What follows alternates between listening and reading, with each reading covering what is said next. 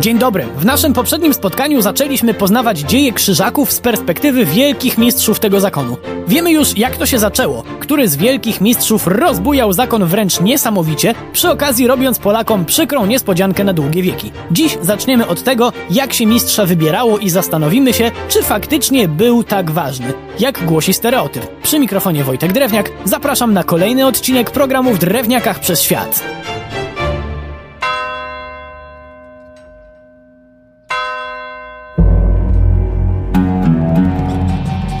Bezdyskusyjnie jednym z najważniejszych wielkich mistrzów zakonu krzyżackiego był Hermann von Salza. To dzięki niemu zakon zyskał nowe ziemie i sporo pieniędzy od pobożnych sponsorów. Po jego śmierci ustalono również zasady, które stały się tradycją przy wyborze kolejnych szefów zakonu.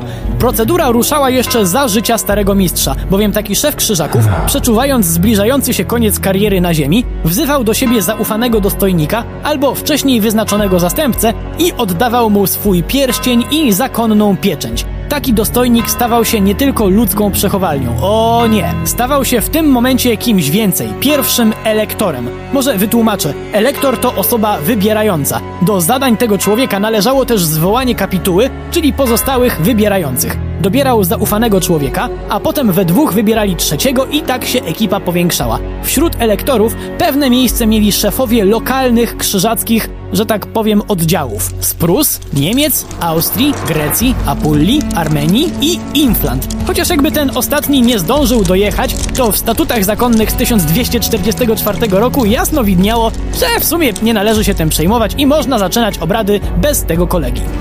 Ekipa elektorów musiała liczyć 13 osób, ale to nie jedyny warunek. Przynajmniej jeden musiał mieć święcenia kapłańskie, a przynajmniej ośmiu musiało być rycerzami. Elektorzy składali przysięgę, że zrobią co się da, żeby wybrać najlepszego kandydata, podczas gdy kapituła generalna reprezentująca wszystkich członków zakonu przysięgała, że wybór elektorów zaakceptuje.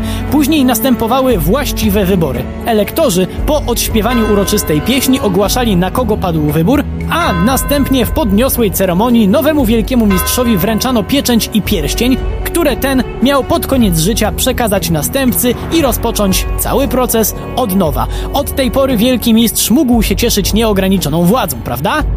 Absolutnie nie.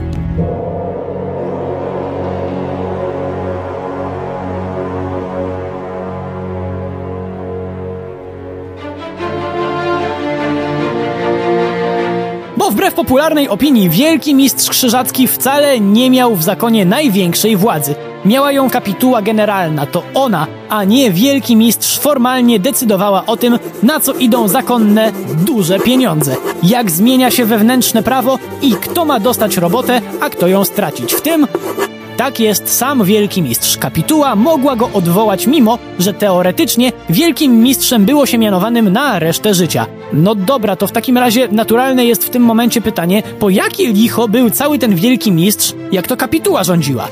To w sumie dość proste. Ta supergrupa wydająca decyzje zbierała się raz do roku. Żadna większa firma, a co dopiero zakon krzyżacki, nie mógł funkcjonować w taki sposób, że rozkazy wydaje się raz na 12 miesięcy, a potem każdy je wykonuje i jest super. Bo po drodze pojawiają się różne komplikacje, starcia, ktoś umiera. Wielki mistrz był właśnie po to, żeby pilnować ustalonych przez kapitułę decyzji i kontrolować bieżące sprawy zakonu, a w razie potrzeby w odpowiedni sposób reagować, również zbrojnie. Reprezentował też zakon i w ekstremalnych przypadkach mógł kogoś pozbawić urzędu, ale kapituła bardzo pilnowała, żeby mistrzowie nie poczuli się zbyt silni i wszystkie poważniejsze decyzje i tak szef krzyżaków musiał konsultować z innymi ważnymi urzędasami. Dopiero w XV-XVI wieku wielcy mistrzowie stali się na tyle silni, żeby nie bać się kapituły. Do tego czasu, przez ponad 300 lat, nie byli wcale tacy ważni, o czym przypominano im na różne sposoby. Jakie? 哎。Na przykład co dwa lata najbliżsi towarzysze mistrza, tak zwani bracia rycerze, byli wymieniani, żeby się chłopaki za bardzo nie zżyli. A kiedy siedziba wielkiego mistrza została przeniesiona do Malborka, to wielki mistrz o swojej pozycji był uświadamiany codziennie, bo wystarczyło, że spojrzał przez okno. Siedziba wielkiego mistrza nie przypadkiem była położona wyraźnie niżej niż miejsce obrad kapituły generalnej. Ten pierwszy mieszkał w Zamku Średnim, a ekipa trzymająca władzę zbierała się na Zamku wysokim. Czy to znaczy, że wielki mistrz miał życie nie do pozazdroszczenia?